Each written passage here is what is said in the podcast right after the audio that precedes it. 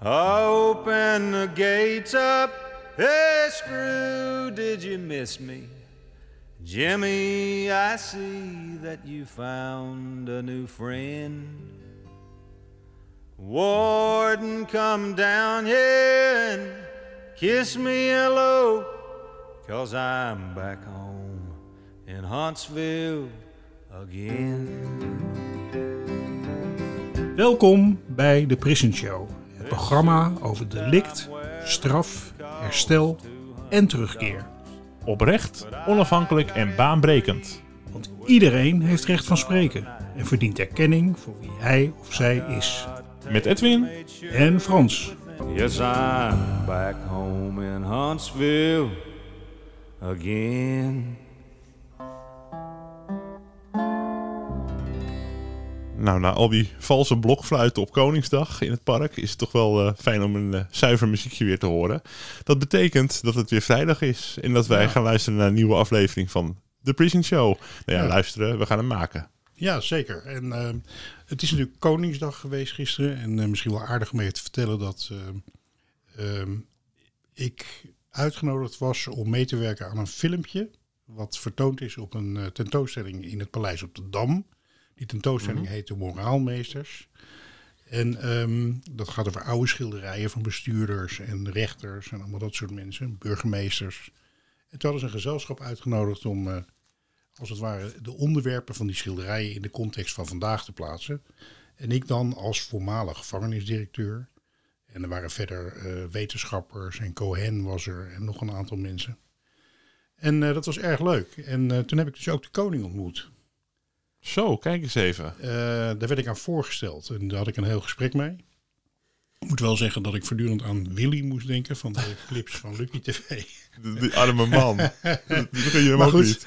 Ehm, wat misschien wel aardig is, één dingetje waar, die- waar Ja, hij ook op ja. inging. Dat was dat eh, toen er gevraagd werd van, ehm, heb je een, eh, een, een elfde gebod wat je zou willen toevoegen aan de tien geboden? En toen heb ik gezegd van, een samenleving waar, eh, of, of nou, het gebod was, eh, niemand uitsluiten. Niemand uitsluiten. Zodat iedereen mee kan doen aan de samenleving. Dus dat had ik ook nog even in Ja. eigenlijk één zin samengevat eh, waar we ook in de Prison Show voor gaan. Ja. En is dat filmpje nog ergens te zien? Kunnen wij ons ergens vervoegen? Ja, dan moet je naar het Paleis op de Dam. Paleis Daar wordt, het, daar wordt het filmpje vertoond op de tentoonstelling. En het gaat ook alle scholen langs. Dus het is best wel een heel leuk eh, project, vind ik zelf. Nou, dan ga ik dan eh, snel naartoe, naar Pleis op de Dam. Maar nu nog niet, want we gaan praten met onze gast. Ja, zeker. Ehm, want vandaag hebben wij, zoals we wel vaker zeggen, een bijzondere gast. Maar ja, dit is echt weer een hele bijzondere gast. Annebrecht Dijkman. Een veelzijdige vrouw, organisatieantropologe, islamdeskundige, schrijver en nog veel meer.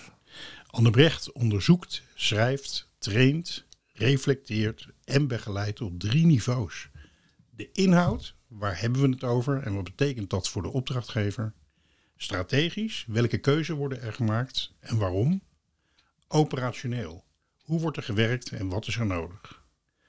Vandaag hebben we het over haar onlangs verschenen boek, De radicaliseringsindustrie, van pionieren naar professionaliseren. Aanslagen door terroristen. Kinderen in strijdgebieden of falend antiradicaliseringsbeleid. De media staan er iedere dag vol mee. En er is een omvangrijke professionele praktijk ontstaan waarin met dit grillige fenomeen wordt gewerkt. Onder andere in het gevangeniswezen natuurlijk. De radicaliseringsindustrie is een inleiding op deze jonge en complexe beroepspraktijk. Op basis van onderzoek en jarenlange praktijkervaring laat de auteur, Anne Brecht, zien wat er speelt en wat er nodig is. Van pionieren naar professionaliseren. Het boek is eh, zeer lezenswaardig. Ik heb het zelf gelezen en ehm, volgens mij is het door iedere professional te begrijpen. Ehm, dit boek is bedoeld voor iedereen die werkt of gaat werken met radicalisering en zoekt naar antwoorden. Zoals eerste lijns professionals en hun managers, studenten, opleiders, gemeenten, ministeries, politie, jeugdzorgorganisaties, maar ook journalisten, politici en wetenschappers. En verder ook gewoon iedereen die er wat van vindt. Het is zeer toegankelijk eh, geschreven, dus dat, eh, Nou, dat is op zich al een eh, enorm compliment waard. Als je bedenkt hoe complex de problematiek is. Anne Brecht, hartelijk welkom in de Prison Show. Ja, hoi. Superleuk om er te zijn. Ja, fijn dat je er bent. Ehm, hoe ben jij zelf betrokken geraakt bij dit onderwerp? Ja, dat altijd een hele mooie vraag. Omdat we als we het over zo'n professioneel onderwerp hebben, dan hebben we altijd zo de neiging om eh, zo'n afstand daartoe te houden. Hè? Je werk staat buiten jou als persoon. Terwijl ehm, ik om me heen zie dat mensen die werken met het, thema van, uh, dat noemen we dan uh, contraterrorisme, extremisme en radicalisering, dat er vaak ook een hele interne drive bij komt kijken. Dus mensen die vinden het belangrijk om hiermee te werken. En dat geldt ook voor mij. Uh, ik ben ooit um, begonnen met het thema eigenlijk rondom het vraagstuk van in- en uitsluiting. En um, bij mij kwam mijn persoonlijke leven ook een beetje samen met mijn professionele leven. Dus ik studeerde voor een islamopleiding, eigenlijk uit eigen interesse, ook voor mijn eigen religieuze ontwikkeling.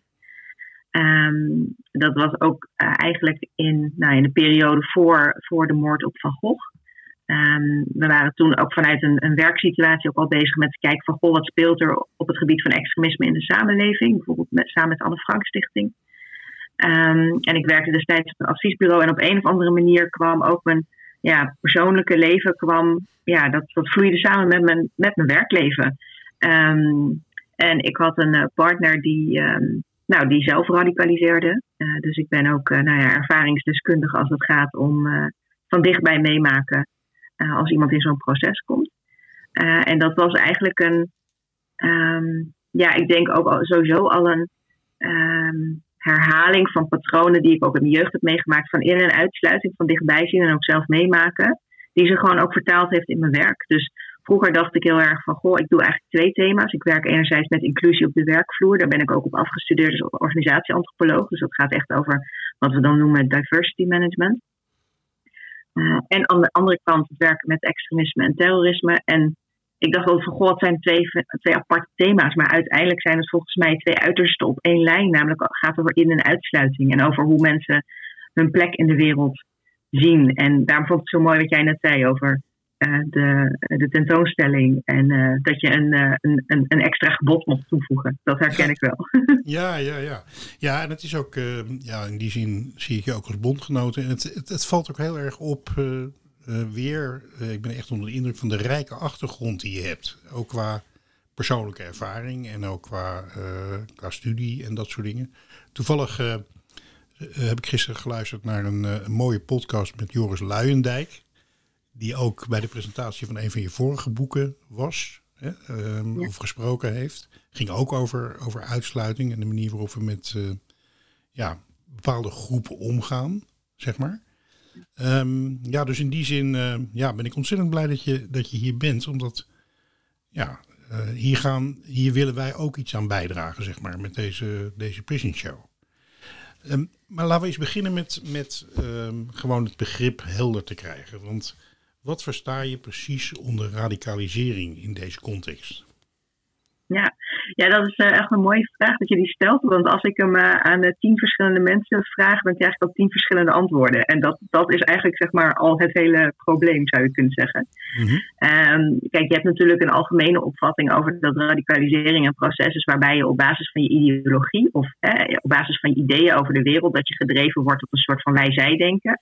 Waarbij je misschien uiteindelijk ook in staat bent om anderen en jezelf schade toe te brengen. Uh, dan wel uh, gewelddadig of niet gewelddadig. Dan, zit je eigenlijk al in de richting van het extremisme. Uh, en we hebben bijvoorbeeld een, een, inlichtingendienst in Nederland die bijvoorbeeld extremisme onderscheidt aan de hand van twee kenmerken, zowel gewelddadig als niet gewelddadig. En onder gewelddadig zit ook fysiek geweld, maar niet gewelddadig is bijvoorbeeld ook ronselen en recruteren van andere mensen. Bijvoorbeeld um, haatzaaien, dus met het idee op basis van ideologie. Um, dus daar ga je dan eigenlijk wel naartoe. Dus radicalisering is in die zin een proces. En dat is niet een lineair proces van A naar B. Uh, want het gaat over mensen. Voor mij gaat radicalisering altijd over de complexiteit van mensen. En je gaat als mens nooit, je bent niet een soort van optelsom van, een, van, van wiskundige elementen. Hè. Dus het is niet 1 1 is 2, dat ben je als mens, zeg maar. Maar mensen zijn heel complex, hebben hun eigen motivaties, weten soms niet eens wat hun eigen motivaties zijn. Die reageren ook op de omgeving waar ze in zitten. Maar uiteindelijk zou je dat dus kunnen zeggen dat radicalisering vooral over dat proces gaat, van het toewerken naar een staat waarbij je bereid bent om eventueel geweld toe te passen. Dat hoeft dus niet alleen maar te gaan om, om religieus uh, radicalisatie, maar het kan ook, uh, kunnen ook andere dingen zijn. Want ik denk gelijk aan religie Ja. natuurlijk. Maar Ja, zeker. Nee, dat is heel mooi dat je dat zegt. En dat was ook in, om gelijk zo van, oh ja, over uitsluiting en insluiting. Omdat ik, ik hoorde mezelf daarnet ook zeggen, oh ja, ik eh, ben ooit begonnen met een islamstudie. En toen dacht ik, oh ja, in het, in het oog van de buitenstaander zal het heel makkelijk de combinatie zijn tussen, oh, radicalisering en extremisme gaat over islam. Terwijl het daar niet over gaat. Het gaat over eh, eigenlijk exceptionele eh, ideologieën. die al of niet een religieuze basis hebben. Maar dat geldt dus ook bijvoorbeeld voor politieke ideologieën. Dus we kennen bijvoorbeeld ook het rechtsextremisme, het linksextremisme. Uh, maar je ziet tegenwoordig ook een soort van combinatie van ehm, ja, meer issue-gedreven uh, bewegingen. Dus als het gaat over uh, de klimaatontwikkelingen, dierenrechten, daar zie je ook een hele beweging op, ook als het gaat over asiel en migratie.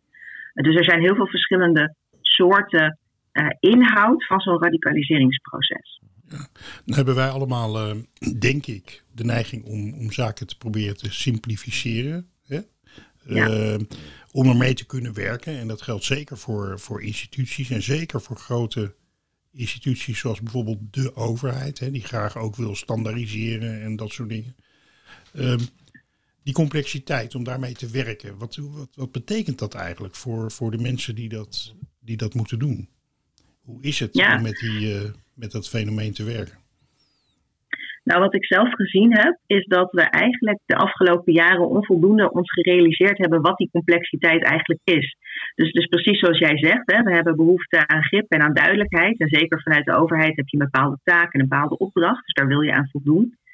Uh, en daarbij hebben we ons denk ik onvoldoende gerealiseerd dat dat hele fenomeen, dat dat steeds in verandering is. Mm. Dus wij, wij, dachten volgens mij de hele tijd van, goh, we zijn op zoek naar puzzelstukjes. Maar dat, dat idee gaat uit van een statische situatie. Namelijk dat als je puzzelstukjes hebt en ook alle informatie op een plek, dan heb je het hele plaatje. En dan kun je controle uitoefenen. Dan kan je een beleid inzetten of dan kan je een interventie inzetten. Terwijl dat fenomeen is steeds in ontwikkeling. En um, ik vind zelf een voor, mooi voorbeeld uh, dat um, bijvoorbeeld de, de, de, Arabische lente, hè, wat we dan zo noemen, die is ooit begonnen in uh, Tunesië met iemand die zichzelf in brand stak. Nou, dat was eigenlijk een soort van volksbeweging die dat losmaakte. Helemaal niet in Nederland. Dus zeg maar in Noord-Afrika, zo door het Midden-Oosten. Dat is een vorm van een beweging die uiteindelijk in Syrië in dit geval is uitgemond in een burgeroorlog. Waar ook jihadistische strijdgroepen, en dat noemen we terreurcellen, ook gebruik van hebben gemaakt.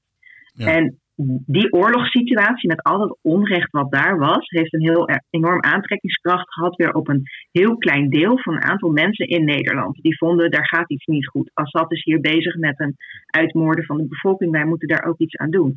En zeg maar die, die combinatie van een strijdgebied met um, dus, uh, terroristische cellen die daar ook een, een idee over hebben, over wat ze daar gaan doen, die combinatie is een heel, ja, een heel soort van uh, warrige combinatie geworden. Waarbij wij van tevoren natuurlijk niet wisten: oh god, het gaat aantrekkingskracht hebben op jonge mensen in Nederland. Ja. En dat is een vorm die er een aantal jaar geleden speelde. Terwijl nu zie je bijvoorbeeld veel meer een, een accent op uh, rechtsextremisme. Hè? Dus mensen die vanuit een heel andere ideologische beweging um, eventueel een dreiging kunnen vormen. Je ziet ook uh, het complotdenken is toegenomen, ook onder corona-uitbraak en de maatregelen. En je ziet dus ook dat die verschillende fenomenen, die eigenlijk allemaal zo veranderd zijn, die grijpen een beetje in elkaar. En daar, ja. daar past dat puzzel-idee helemaal niet op. Nee. Dus wat je, nu, wat je nu eigenlijk veel meer ziet, is dat die, dat die veranderende context, dat dat nu een beetje begint door te dringen. En dat is ook de basis zeg maar, waarop, waarop ik mijn eigen boek heb uh, geschreven, zoals jij uh, al zei. Hè, de radicaliseringsindustrie die gaat eigenlijk vanuit het idee, je moet leren werken met die onzekerheid. Je moet leren werken met die veranderende complexiteit. Uh, en er was iemand die dat heel mooi uh, als mayonaise presenteerde. Zegt van ja, dat is een soort van. Um, dat zijn allemaal ingrediënten die je bij elkaar gaat doen. En als je dat husselt, dan krijg je mayonaise. Maar je kunt die eieren nooit meer uit de mayonaise halen. Dus al die losse onderdeeltjes waar wij zo happig op zijn, waar wij zo graag um, ja, uh, controle over willen uitoefenen. Wat is, waar is het oorzaak? Wat is het gevolg? Wat moet ik doen? wat moet ik weten? dat wordt daardoor veel diffuser. Dus dat is wat ik heb gezien. En zeg maar de bewustwording van, oh, het is heel ingewikkeld, En niet om te zeggen, je kunt er niks mee doen, maar het is ingewikkeld en dat dat steeds verandert. Dat geeft bij heel veel mensen toch een soort van rust. Ja. Op een of andere manier. Ik kan me ook voorstellen dat als je, uh, want uh, ik, ik, zou ook wel willen weten, wie zijn dan die professionals? Hè? Wat, laten, we laten we die vraag eerst eens stellen. Wie zijn eigenlijk de professionals ja. die ja. daarmee werken? Ja, dus ja, nou, in het begin hebben we heel erg gezien, en dan denk ik, heb het over een jaar of twintig terug, dat het vooral een vraag was aan professionals uit de veiligheidshoek. Hè? Dus dan gaat het over een beetje de strafrechtketen, maar dan gaat het ook over de wijkagent, uh, de OOV-ambtenaar, dus bij de gemeente op de afdeling openbare orde en veiligheid, uh, de inlichtingendienst. Dat zeg maar vooral gepositioneerd was als een onderwerp wat een veiligheidsissue is. En dat is natuurlijk ook wel logisch, want als je helemaal naar het eind kijkt van waar radicalisering eventueel op kan uitlopen, hè, dus extremisme of terrorisme, met bijvoorbeeld een aanslag, dan is het ook wel heel logisch dat je vanuit de veiligheidsbril gaat kijken. Maar wat we zien is dat omdat radicalisering over mensen gaat, uh, je ook een sociale kant hebt. Je hebt ook de vraag over in- en uitsluiting. Je hebt ook de vraag over hoe voelen mensen zich? Wat is hun perceptie of hun beeld van waar ze staan? Door wie worden ze gemotiveerd? Wat is hun context? En we zien nu langzaam ook de beweging dat er ook veel meer, dat noem je dan professionals aan de voorkant of in het voorveld. Dus dat zijn bijvoorbeeld docenten, dat zijn jongerenwerkers, dat zijn uh, de ambtenaren die zich bezighouden met, uh, met het sociaal domein, zoals je dat noemt. ook bezig met van goh, hoe kunnen we nou op een goed moment signaleren wat er gebeurt met mensen. En zeker ook met jonge mensen die ook nog in hun eigen ontwikkelingsproces zitten. Dus jongeren leren ook op een gegeven moment hun eigen ja, hun, hun, ouders in die zin los te laten. Veel meer te kijken wat doen mijn, mijn eigen leeftijdsgenoten. Een eigen beeld te vormen van de wereld. En, dat is, en dat hoort ook. Dat is een normaal identiteits- en ontwikkelingsproces. en jongeren zijn vaak wat radicaler dan, dan volwassenen. En daar is helemaal niks mis mee. Dus aan zich zeg maar, is radicalisering zou je ook nog positief op kunnen vatten. Dat je zegt van goh, je bent betrokken bij de wereld, je vindt iets belangrijk. dat vraag ik ook altijd aan professionals. Hoe ben je zelf wel eens gaan demonstreren? Heb je wel eens een manifest ondertekend? Wat vind jij belangrijk? Ben je lid van een goede doelenorganisatie? Ja. En zeg maar dat, dat, dat beginpunt van je ergens druk om maken en gemotiveerd zijn om iets voor de wereld te betekenen en daar een eigen plek in te hebben. Uh, dat, is, dat is eigenlijk op zich een heel normaal proces, zeker voor jonge mensen. Dat kan ook helaas de verkeerde kant uitlopen. Ja. Uh, en dus daarom zie je dat er steeds meer verschillende soorten professionals werken met, uh, met dit thema. Dat is best wel ingewikkeld, lijkt me. Ik, heb, ik ben ooit gevraagd om mee te denken over een, een, een, pilot die in een gemeente liep. Waarin uh, naar Deens voorbeeld uh, risicogroepen, hè, jongeren die eventueel zouden kunnen gaan radicaliseren, of, uh, radicaliseren benaderd werden, zeg maar. Hè? en een, een soort maatje en een soort coach kregen. En wat ik me daarvan kan herinneren was dat aan de ene kant was de vraag aan vrijwilligers om daar heel ja, sociaal mee om te gaan. Hè? Gewoon te vragen van, goh, maatje, kan ik niet voor je regelen? Uh, contacten maken, gewoon aanwezig te zijn. Aan de andere kant zat er die hele veiligheidsagenda achter, van, waarin over subjecten werd gesproken. Hè? Van uh, uh, mensen die een zeker risico zouden kunnen gaan vormen. En ik, ik ben daar toen op afgehaakt, omdat ik dacht van, ja, dit gaat niet werken, weet je wel. Als je mensen al benaderd als mensen die in de toekomst eventueel zouden kunnen gaan radicaliseren, ja, dan schiet je eigenlijk in je eigen voet met zo'n project. Herken je dat, dat conflict? Ja, zeker. Ja, dit is, dit zo'n prachtig voorbeeld. Het is zo goed dat je dit noemt, want dit gaat echt. Uh, eigenlijk is het werken met dit thema is het werken op het snijvlak van zorg en veiligheid. En dat klinkt heel abstract, maar dat is precies wat jij zegt. Eigenlijk wil je mensen in hun kracht zetten. Eigenlijk gaat het over een eigen plek voor mensen. Terwijl er bij dus het radicaliseringsproces dus ook altijd een soort van de zorg is van oeh, gaat het wel de goede kant uit? En met name omdat we zo gezien hebben dat het zo als onderwerp zo gepositioneerd is geweest binnen die hele veiligheidsafdeling en binnen professionals die werken met veiligheid, is er ook altijd, en dat is logisch, is er een soort van ogen in je achterhoofd houden. Mm-hmm. En dat geeft natuurlijk enorm conflict. Want als ik met jou in gesprek ben en ik wil met jou een open en transparante relatie opbouwen, maar ik moet ondertussen ook zorgen dat ik zie waar zit jij in je proces en kan ik dat wel tegen jou zeggen, dat geeft een enorm spanningsveld. Mm-hmm. En ik vind zelf een, uh, een, een, een, beroepsgroep die, die daar volgens mij heel goed mee om kan gaan, is het jongerenwerk.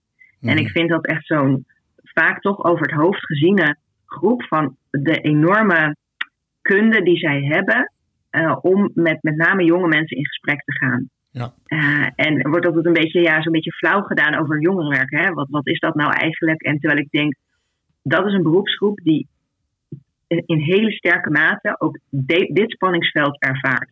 Ja. En niet omdat zij vanuit de veiligheidshoek kijken, maar wel kijken van hé, hey, ik heb iets te doen met jongeren. Waar zitten ze in hun ontwikkeling? En hoe kan ik ervoor zorgen dat ik ze erbij hou? Want daar gaat het eigenlijk over. Maar dat Ja. wil ik wel doen vanuit een open en, en, en, ja, open en, en positieve, transparante houding. Nou, Ja. dat, is, dat is heel ingewikkeld. Zeker als er een ambtenaar van het OLV zegt: Goh, hoe zit het eigenlijk met deze groep? Zie Ja. jij daar, zijn er signalen? Ja. Dat is een heel herkenbaar dilemma ook. eh, Ik ben het helemaal met je eens, maar een heel herkenbaar dilemma ook in het gevangeniswezen. Eh, in die zin dat eh, het leggen van de relatie en, te- en, en een stukje vertrouwen hebben. ehm, en tegelijkertijd ook overzicht houden over het hele proces en wat er eventueel zou kunnen gebeuren in het kader van de veiligheid. Hè. Die, die professionaliteit, die, ehm, die vraagt om, om behoorlijk wat steun ook. Hè? Vanuit de omgeving en vanuit eh, misschien wel de samenleving of de politiek. Want wat ik ook heel vaak zie bij jongerenwerkers, jij zei al, er wordt met een zekere, er wordt een beetje om gelachen om die jongerenwerkers. Ehm, ze ko- worden ook vaak in de eh, verdachte hoek geplaatst. Hè? Mensen die te sociaal zijn en te veel begaan zijn met, eh, in mijn geval, wat ik dan meegemaakt heb, gedetineerden of met jongeren. Die worden in die zin ook niet meer serieus genomen. Dus het, dat mag wel wat hulp gebruiken, heb ik het idee. ja, nou, dat, dat zeg je. Want ik, denk dat iedere professional die, die leert om te gaan werken met mensen, die, die moet nadenken over het thema over afstand, nabijheid. Nou ja, dat is een beetje heel klassiek, zeg maar. Terwijl we zien ook een, een nieuwe beweging waarbij zeg maar, het aanwezig zijn, het present zijn, Ja, heel erg goed werkt. En eh, daarvoor moet je nog steeds je professionele houding hebben. En tegelijkertijd moet je er ook voor iemand zijn. Ik geloof nog altijd, en ik heb het ook echt gezien, dat het echt contact maken met mensen uiteindelijk de kern is waarmee iemand zich gehoord gezien eh, en ook open staat voor eh, andere, andere mogelijkheden. Ja. En kijk, iemand die, want we hebben het hier over een categorie mensen die niet. Kijk, je hebt ook de, de ideologische ijzervreters die helemaal in de tunnel zitten en die ga je met een gesprek over ideologie nooit meer zeg maar terugkrijgen. Maar je kunt wel het gesprek aangaan. Ja. Wat, wat, wat betekent het wat jij op dit moment aan het doen bent voor je? Hoe ziet je sociale omgeving eruit? Eh, dus, dus het gaat er ook over op welke manier steek je in? Waar ga je het over hebben? Eh, en ik denk dat eh, veel mensen in Nederland überhaupt wel de nood hebben om gewoon gehoord te worden. En dat er, daar is niks mis mee. ja. Hoe, hoe, hoe kijk je daar tegenaan? Hè? Hoe, wat zijn je ervaringen daarmee? Want aanwezig zijn, eh, ik ben het zelf, eh, eh, vind ik aanwezigheid, presentie, eigenlijk zo ongeveer alles wat je kunt doen. Hè? Ehm, eh, maar ik zie ook dat we een ongelooflijk belang is met geld en resultaten en kengetallen. En een enorme druk is om eh, resultaten te halen, zeg maar. Hè? Dus ehm, op het moment dat je met mensen werkt en het is van in het kader van de veiligheid, dan, ja, dan, dan is de hele, het hele bestuur zit op je nek van eh, eh, is het nou gelukt om hem op het rechte pad te krijgen en, en dat soort dingen. Hoe, eh, hoe kijk je daar tegenaan? Ja, ik moest gelijk denken aan die mooie voorbeelden in jouw boek. Hè? Ook over presentie en mensen vertrouwen geven. Dat je mensen eigenlijk een vorm van eigen regie geeft. Want dat is denk ik heel erg belangrijk. Mensen voelen direct als je ze niet serieus neemt of als je iets komt voor ze komt regelen. Dat voelen mensen direct. Ja. Maakt niet uit wie. Eh, en als je echt een, een, een relatie wil waarvan je zegt: hé, hey, misschien maak ik me zorgen over je. Kunnen we dat Ja. bespreken? Dan, dan kan je dat best in een open en transparante setting doen. Tegelijkertijd is inderdaad eh, onze professionaliteit gaat heel erg over eh, afrekenen. Over heb ik dat rapport al afgeleverd waarin er zoveel vinkjes staan. Wat ik als, nou ja, dat noemen we dan output heb opgeleverd. Ja, bij mensenwerk is dat natuurlijk, dat werkt niet. Want die presentie is denk ik het belangrijkste tegelijkertijd. En dat zie ik ook. Deze beroepspraktijk die zich dus met van al die verschillende professionals richt op dit thema. ehm, daar ontstaat ook willekeur, omdat we heel weinig normen hebben. En Mhm. vanuit ieders eigen beroepspraktijk en, en beroepsopvatting zijn er vaak wel normen. Maar als het gaat om radicalisering en extremisme en terrorisme, laten we dat opeens los. Dan, dan raken we een soort van in paniek. En dan gaan we ook weg van onze eigen professionele standaard. En dan ga je dus een soort van vermenging krijgen. Mensen worden daar ook heel onzeker van. Terwijl in de meeste beroepsgroepen is het denk ik belangrijk om te beseffen: oké, ik ben opgeleid als, ik noem maar wat, ehm, als die jongerenwerker of als die wijkagent. Daar horen een aantal specifieke eigenschappen bij. En wat betekent dan in dat kader van mijn eigen beroep het werken met dit thema en met deze mensen? En zeg maar die oefening. Mhm. Kun je En, die heel, oefening, eh, en dat is een praktisch voorbeeld van geven? Van, eh, van, van een norm Ja. die onder druk komt te staan en, en waar mensen Ja. mee in conflict raken? Ja, nou zo'n norm is bijvoorbeeld als het gaat over ehm, het dossieropbouw. Dat is zo'n voorbeeld ervan. Hè. Kijk, als je werkt met mensen en je volgt iets, of dat nou zorg is of van veiligheid, dan, dan ben je in contact, maar dan moet je ook beslissingen nemen. Het, het, het maken van een dossier over welke beslissingen je hebt gemaakt en welke afwegingen je daarin hebt gedaan, is de afgelopen jaren heel problematisch geweest. Want het was oeh, secret, secret. Dus waar gaan we überhaupt, gaan we überhaupt wel een dossier aanleggen? Ehm, wie gaan we op een lijst zetten? Hè? Dus bijvoorbeeld in de persoonsgerichte aanpak, die heel veel gemeentes eh, voeren. Eh, ja, wat, wat moeten we daar eigenlijk aan bijhouden? Nou, daar is gelukkig een enorme slag in geslaan. Maar dus alleen al zo'n klein iets, hè, dat lijkt relatief klein, als een dossier vormen. Het is enorm onder druk komen te staan. Ja, het is heel, Eh, maar het is, gaat ook. Het is denk ik heel groot. En hoor ik je nou eigenlijk zeggen, hè? ehm, je moet aanwezig zijn voor de, de, de doelgroep, zoals we dat dan even noemen. En eh, je moet een stuk vertrouwen hebben en je moet transparant zijn. Ehm, geldt dat eigenlijk ook voor, de, voor het bestuur en de leidinggevende van de professionals? Dat ze ook zo'n houding moeten hebben? Want op het moment dat jij besluiten neemt, afwegingen maakt, rapportages maakt, ja, dan stel je je ook nogal kwetsbaar op naar degene die de leiding hebben, om het zo maar eens te zeggen. Ja, nou, heel veel professionals voelen zich ook enorm eenzaam in dit werk. En dat noemen we dan eh, professionele eenzaamheid. Eh, en dat komt omdat het vaak heel gedreven mensen zijn die vanuit welke beroepsgroep dan ook hiermee bezig zijn. Eh, soms worden het aandachtsfunctionarissen genoemd, Eh, maar die staan vaak dan vrij alleen in hun werk. Eh, en dan hebben ze bijvoorbeeld wel contact met iemand anders uit een gemeente of van een andere organisatie, maar binnen de eigen organisatie vaak wat minder. En Mhm. heel vaak is het ook zo dat professionals op de werkvloer het moeilijkst vinden om te vertalen naar hun management of directie wat er nou het belang is van wat ze aan het doen zijn op dit thema. Dus die managementlagen en die directielagen, die hebben vaak überhaupt nog geen idee van wat betekent dit onderwerp voor onze organisatie. En een van de hele eh, tekenende dingen. En, en dus voelen mensen zich daar ook alleen. En dat, en dat levert allerlei problemen op. Want als jij in de praktijk je werk gaat uitvoeren en je neemt daarin beslissingen die door het management niet begrepen worden of ook niet gesteund, ja, dan ga je natuurlijk daar ga je probleem mee creëren. Niet alleen voor jezelf, maar ook degene met wie je werkt.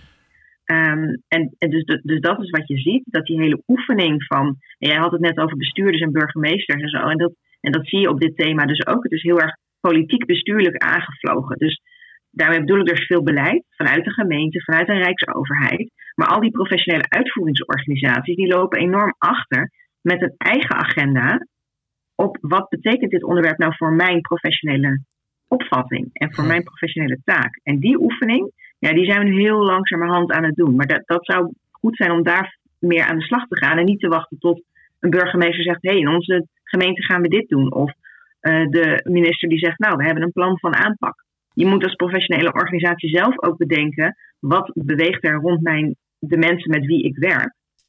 En wat betekent dat dan in hoe ik mijn werk ga uitvoeren? Hoe kan ik mijn medewerkers daarin steunen?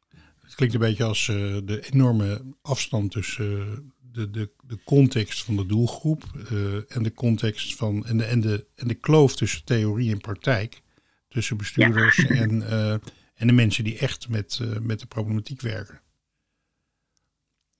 Dat er een enorme kloof is. Zeker. Ja, dus het, eh, en het is ook niet om.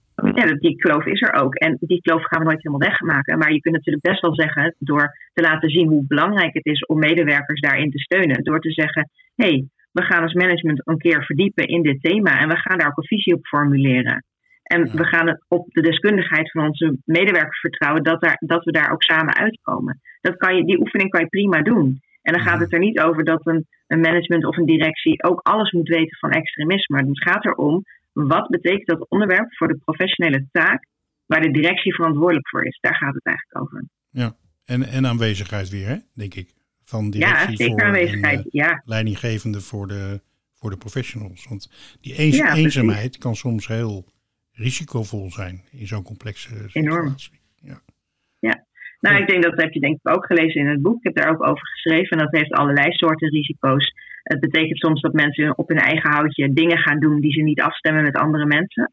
Nou, dan krijg je ook een soort van willekeur. Maar je krijgt ook mensen die overbelast raken of mensen die erop uitvallen. Ja. Het is een heel kwetsbaar thema. Het is een moeilijk thema. Uh, er zijn veel burn-outs en mensen met PTSS. Dus echt, dat zijn echt serieuze klachten, maar die vaak niet gezien worden onder het, uh, in, in, de, in de context dat het komt ook door het werken met dit thema en dat dat onvoldoende beschermd is. Ja, ja. En dat is wel een serieus probleem. Ja. Nou, misschien, uh, ik weet zeker dat er veel mensen zullen luisteren die, die ook werken of te maken hebben met, met deze problematiek. Um, misschien is het aardig als je nog even aangeeft hoe je je boek in elkaar hebt gezet. He, uh, ik, heb al gezegd, ik heb al gezegd van goh, het is heel leesbaar. En je hebt het ook heel systematisch gedaan. Dus het is volgens mij goed te begrijpen. Maar misschien wil je daar nog iets meer over vertellen. Ja, ja leuk dat je het vraagt. Ja, ik ben, uh, de, inleiding gaat heel erg over een, een, een, schets van de afgelopen jaren. En ook hoe ik daar zelf in betrokken ben geraakt. Dus dat is eigenlijk veel meer een verhalende manier om te laten zien wat die complexiteit is die ik eigenlijk adresseerde net. Uh, dus dat gaat ook over goh, die incidenten die er zijn geweest in de media. Hè, want je kunt geen krant openslaan en er staat wel iets over het thema. En ook over iets wat er mis is.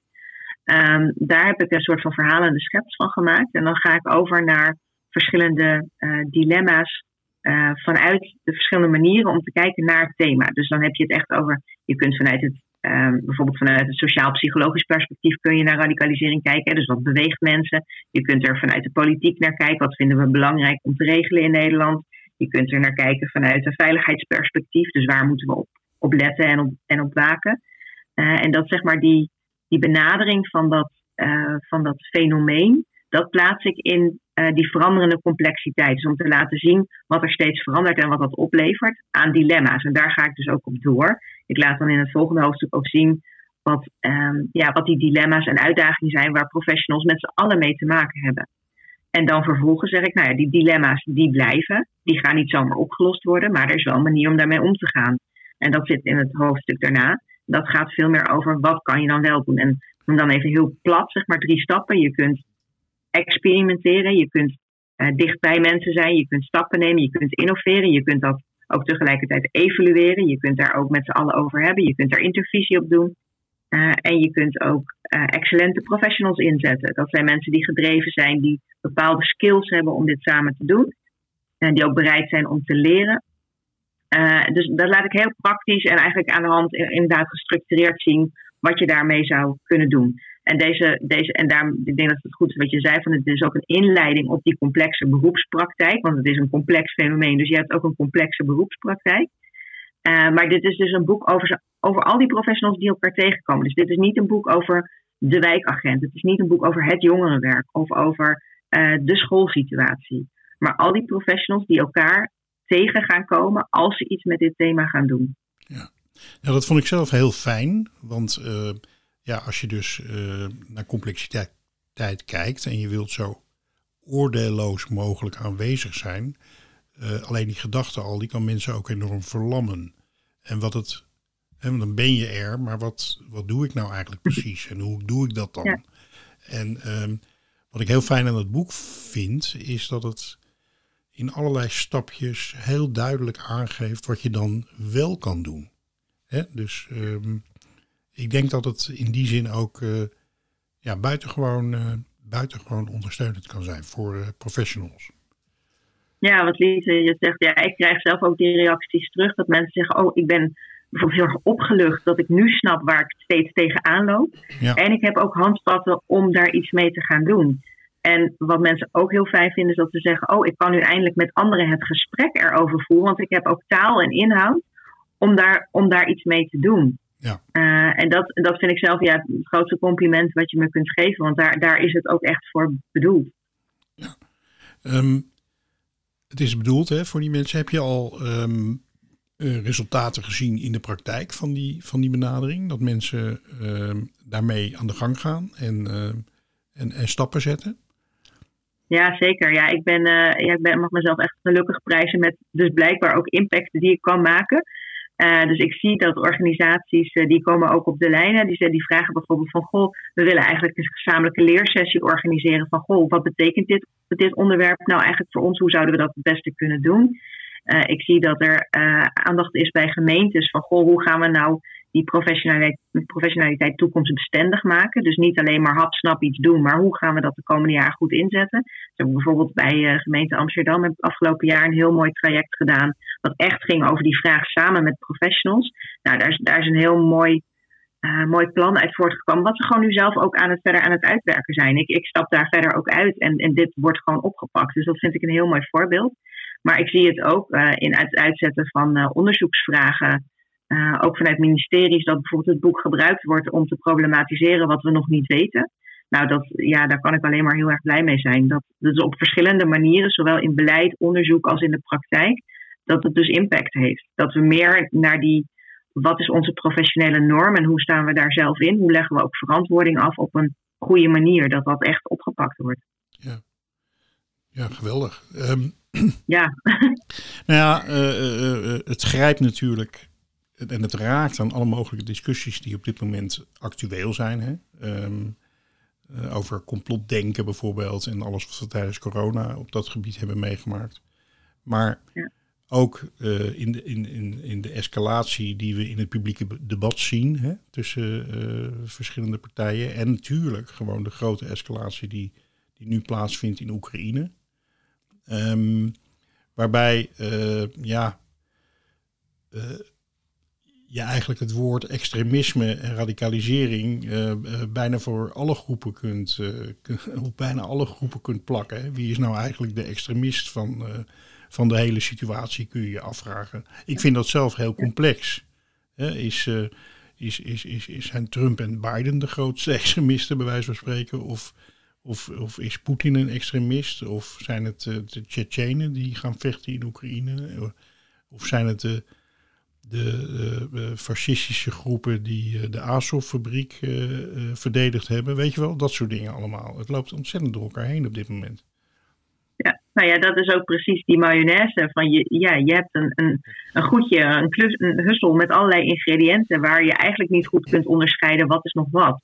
En je hebt natuurlijk, als we het hebben over um, hoe je kijkt naar terreur en terrorisme. Je hebt, je hebt daar de klassieke opvatting dat zijn groeperingen, maar je hebt natuurlijk ook staatsterreur.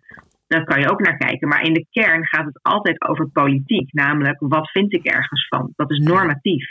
Ja. Dus wij kunnen bijvoorbeeld zeggen, een beweging als Hamas, dat zetten we op de terroristenlijst. Zijn, ja, je kunt ook zeggen, Hamas is een, een legitieme verzetsorganisatie tegen bezetting.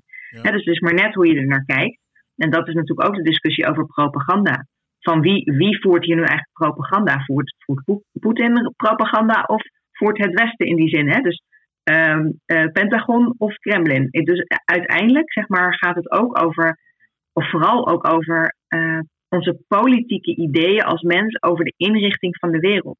Ja. En ik vind het zelf heel erg belangrijk om bij te dragen aan een overheid die legitiem werkt en die ook ethisch is, die zich kan verantwoorden omdat ik denk dat we in Nederland een democratische rechtsorde hebben die het bewaken en, en beschermen waard is. Uh, en daarvoor is het belangrijk dat je zegt: oké, maar die kan een bepaalde mate van orde en veiligheid uh, en inclusie voor iedereen garanderen. Als dat onder druk komt te staan, dan hebben we een serieus probleem. Ja. Want mensen zijn niet in staat om uh, op de lange termijn voor het collectieve belang steeds goed na te denken in hun eentje. Dat moet je samen doen. Maar als er geen samen mogelijk is, omdat het niet veilig is, dan kom je daar niet.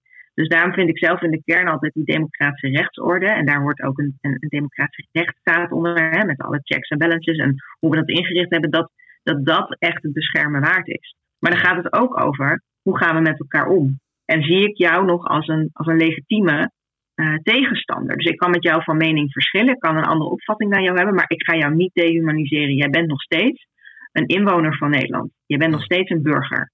Ik ga jou niet lager maken dan dat. En dat is zo'n belangrijke kern als het gaat over in- en uitsluiten en of mensen nog bereid zijn om naar elkaar te luisteren. En dat is iets waarvan ik, ja, ik zou willen dat de politiek dat ook beter bewaakt dan op dit moment. Ja, zeker. Want uh, uh, ja, daar gaat mijn boek ook een beetje over. En dat, daar hebben we het hier ook vaak over. Dat, uh, dat we allemaal uh, mensen zijn zoals jij en ik. Hè? Ehm, dat wordt om allerlei politieke redenen, wordt, wordt vaak gevonden dat, dat bepaalde groepen weggezet moeten worden. Hè? Eh, eh, criminelen, families van criminelen, eh, terroristen enzovoort enzovoort. En daarmee ben je eigenlijk alleen maar bezig om tegenstellingen te vergroten en het probleem ook heel erg te vergroten.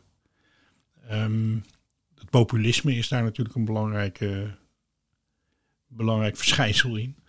Ehm, ik, ehm, eh, en het gaat dus eigenlijk over van veroordeel anderen niet, zeg maar. Eh, beschouw anderen als mensen als jijzelf. Klopt dat?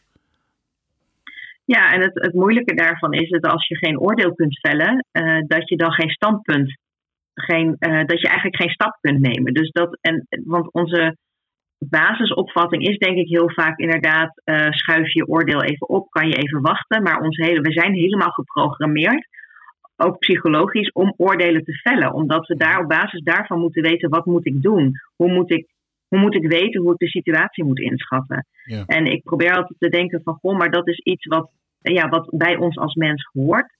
Maar daarvan bewust te zijn en daar zo eh, open en transparant mogelijk en bewust mogelijk mee om te gaan, dat is wat ons kan helpen. Dat is ook beschaving. Ja. Dat, dat, dat is wat wij ook als, als vaardigheid hebben. En daar, en daar moet je volgens mij op blijven inzetten. Ja, wat je eerder al zei, van, van echt, echt contact met elkaar maken. Elkaar echt, Ja. echt ontmoeten. Ik had Ja. een, eh, een voorbeeld daarvan was, eh, ik heb in het begin van deze eeuw heb ik projecten gedaan in Rusland. Hè? En ik herinner me nog een moment dat ik met een eh, Russische vriend in de auto door Sint-Petersburg reed. En dat, hij, dat wij samen echt vierden dat wij allebei mensen waren.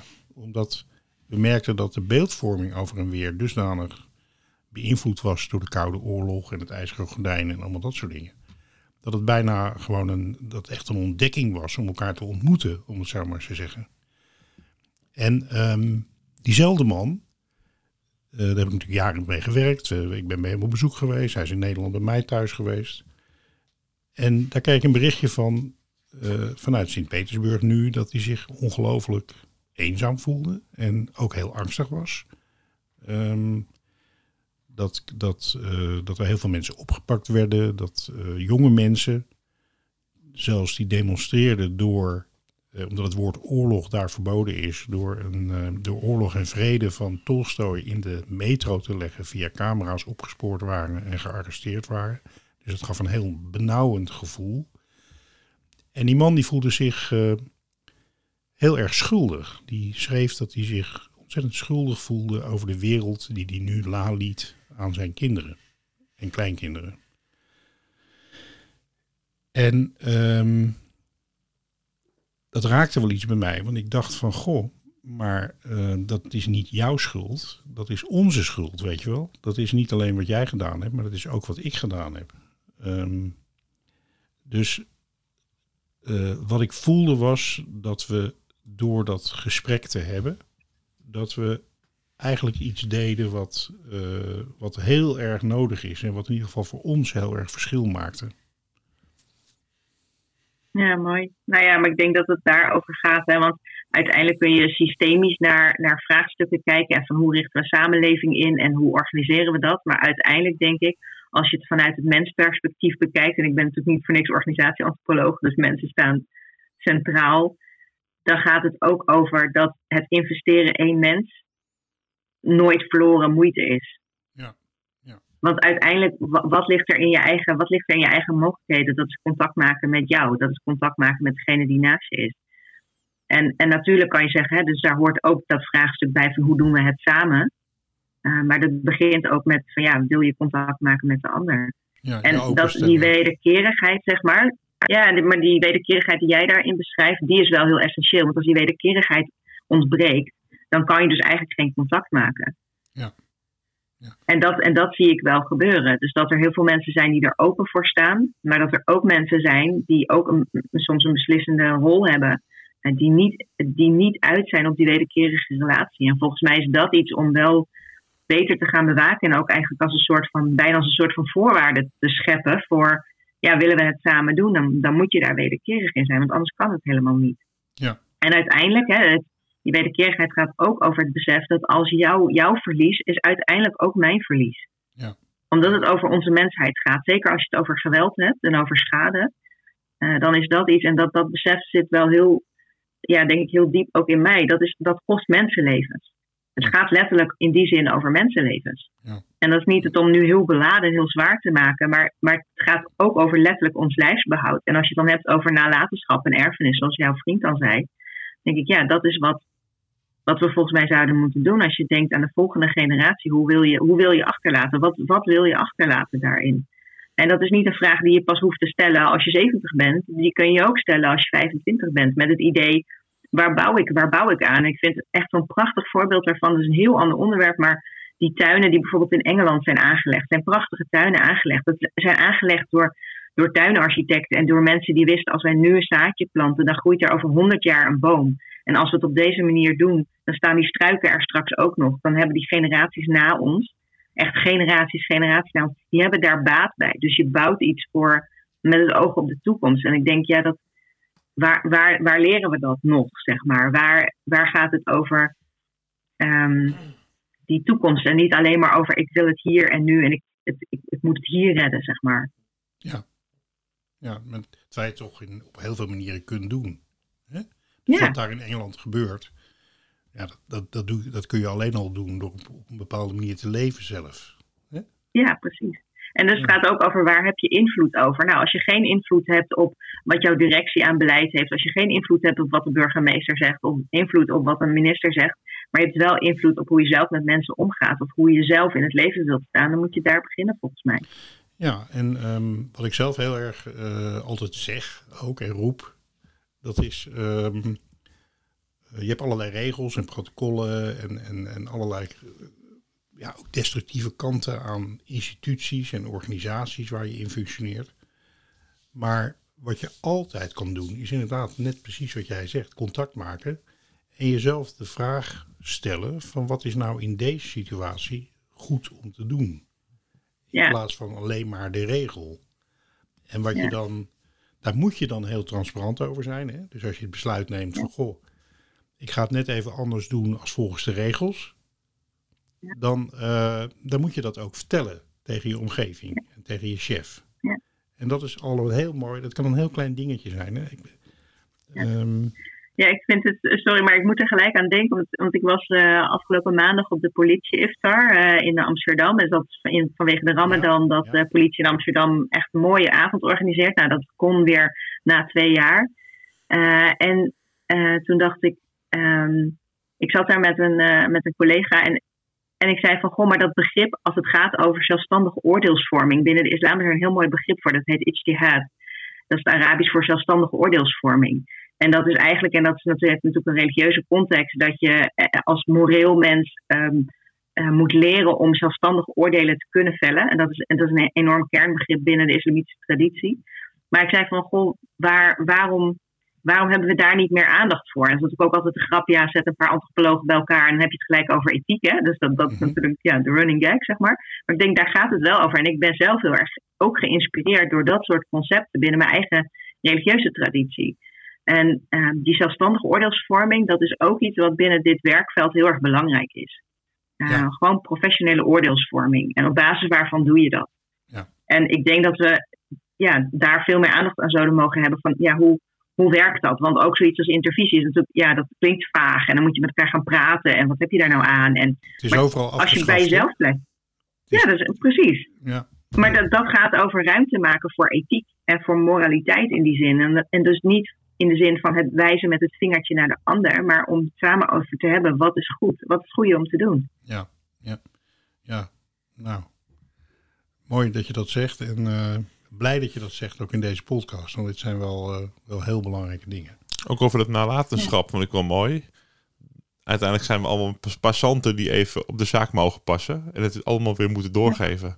Dat geldt eh, voor als je een bedrijf runt of een, of een huis dat je weer, later weer moet doorgeven aan de volgende bewoners. Ook al is het over 50 jaar misschien.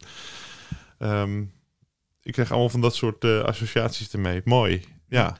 En ook die Ja, generaties. Hè? Want ik, ik ben een opa en ik, ben, ik gedraag me ook als een opa. Dus ik ben heel erg veel bezig met nalatenschap en aanwezig zijn zonder dat ik de kar hoef te trekken of zoiets dergelijks. Maar wat ik merk is dat net wat jij zegt, heel veel jonge mensen eh, nog veel meer bezig zijn met nalatenschap als ik zelf. Bijvoorbeeld eh, de manier waarop ze met het, over het milieu bezig zijn en allemaal dat soort dingen. En duurzaamheid. En dat is wel een hele hoopgevende, vind ik. Dat dat aan het Ja. gebeuren is. Terwijl veel leeftijdsgenoten van mij ehm, ja, eigenlijk het gevoel hebben dat ze de aarde mogen gebruiken zoals ze willen. Hè? Zonder Ja. te denken aan wat de gevolgen daarvan Het, zijn. het zal allemaal wel en het zal mijn tijd wel duren ook. Ja, nog een Nou ja, en generatie. ik- Ja, Ja, nou ja, die, en, en soms begrijp ik het ook wel, want er gebeurt heel veel in de wereld. En vroeger gebeurde er ook heel veel, alleen zagen we het veel minder. We hebben een enorme informatiepositie die ons ook overspoelt en overweldigt. Dus ik snap ook soms wel dat mensen denken, nou, ik, ik doe even niet meer mee of ik trek dit niet meer. Of nou ja, eh, dan ga ik me concentreren op, ik ga het goed maken voor mezelf. Ik snap dat ook. Maar ik denk tegelijkertijd toch, stel dat je mensen op een onbewoond eiland zou zetten, dan zouden we toch opnieuw weer een beschaving gaan opbouwen. Dan gaan we dat toch weer doen. En dat is ook altijd mijn hoop. Zo van er zit iets, iets in mensen zelf, intrinsiek gemotiveerd, waarin we altijd die beschaving gaan opzoeken. Dus ook dat stukje nalatenschap. En als ik dan zelf naar mezelf kijk, dan denk ik van nou, wat ik vroeger in mijn jeugd heb gemist, is een stuk eh, veiligheid. Dat is iets waar ik nu aan bijdraag, om eh, voor anderen misschien net een stukje beter te maken, hè, op, op, op een wat abstracter niveau. Maar tegelijkertijd heb ik ook iets heel moois gekregen. En dat was het lezen van literatuur. Ik heb leren lezen. Ik, ik heb kinderboeken leren lezen. Ik heb gewoon überhaupt leren lezen. En verhalen. En dat heeft mij zo enorm, in ook een context soms van onveiligheid, heeft mij zo enorme kracht gegeven. En dat is iets wat ik heel graag doorgeef. mooi, de dingen die, mooi. die ook levensreddend zijn. En dus daarom, daarom probeer ik ook dingen te combineren. Maar die verbeeldingskracht van mensen als een soort van ja, manier om te kunnen overleven. En ook het meer te doen dan alleen maar in de overlevingsstand te zitten.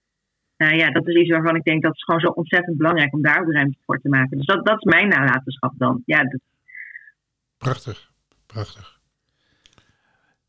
Lijkt me ook een hele, hele mooie, mooie afsluiting voor, eh, voor deze podcast. Dankjewel. En, Ja, eh, jullie bedankt voor de mooie vragen. Ja, en ehm nou, ga heel graag gedaan. En ehm, nou, jij voor het, voor het, eh, voor het verhaal. Heel erg bedankt. Graag gedaan. En eh, Het boek heet De Radicaliseringsindustrie. En ik zet even een link in de show notes waar je dat kunt vinden en bestellen. ja, Ja, een, superleuk. absolute aanrader. Dankjewel, Annebrecht. Yes, I'm back home in Huntsville again.